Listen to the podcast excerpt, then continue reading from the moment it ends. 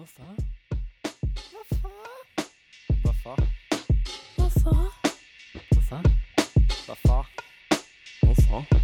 Hvorfor? Hvorfor? Velkommen til podcasten Hvorfor? Mit navn er Lasse, og i dag skal jeg fortælle dig om hekse. Hvis jeg siger til dig, at du skal tænke på en heks, tænker du nok på en kvinde med en stor sort hat, måske i det hele taget sort tøj, en stor næse og måske en vorte på næsen eller på hagen, kruset hår og lidt store, uhyggelige øjne. Men vi må ikke glemme heksens kost. Et gammelt slidt kosteskaft, som heksen kan flyve på. Og selvfølgelig heksens sorte gryde, hvor hun brygger elixier og giftige drikke med haletusser, rottehaler, slangeskin og indjørning af hår.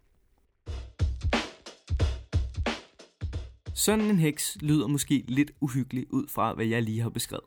Men hvor kommer de egentlig fra? I gamle dage, inden man vidste alt det, man ved i dag om medicin, var der nogle kvinder, der var helt vildt gode til at bruge urter og andre ting fra naturen til at hjælpe folk med at få det bedre, hvis de var syge. Men fordi dem, der bestemt, simpelthen ikke kunne forstå, hvorfor urterne virkede, blev de enige om, at det måtte være fordi, at det var en form for magi. Dengang var magi noget, der var forbudt. Man troede rent faktisk på, at der var onde, magiske kræfter. Og når man fandt sådan en kvinde, der var god til at bruge urter til at hjælpe andre, gjorde man forfærdelige ting ved hende. Ja, faktisk så brændte man ret mange kvinder, udelukkende fordi man troede, de var en form for hekse. Heldigvis gør vi ikke det længere, og vi er blevet meget klogere siden.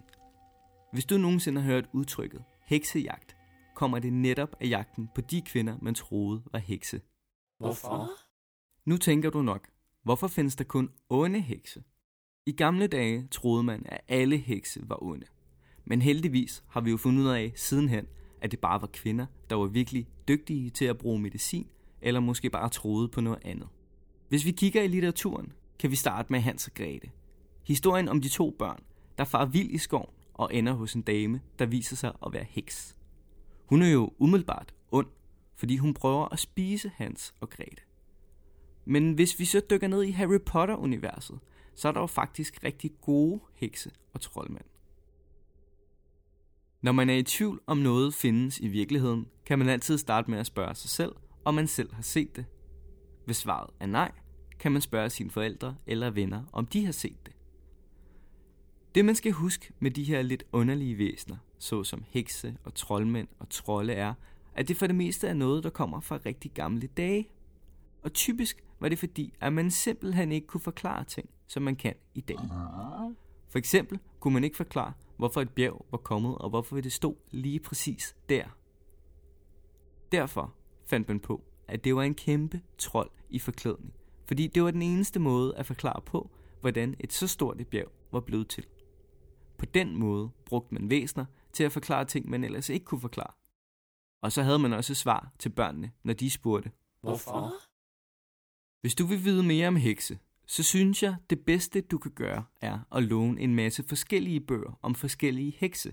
For eksempel Hans og Grete, hvor der er en ond heks, og Harry Potter, hvor der er gode hekse.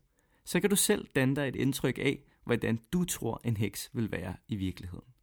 Som altid kan du gå på biblioteket og spørge en bibliotekar om mere viden om hekse. Hvis du har et godt spørgsmål eller et emne, jeg skal tage op, kan du skrive til mig på lash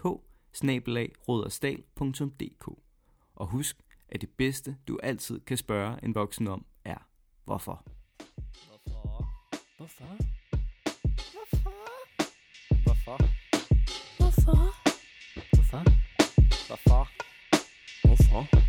Hvorfor? Hvorfor?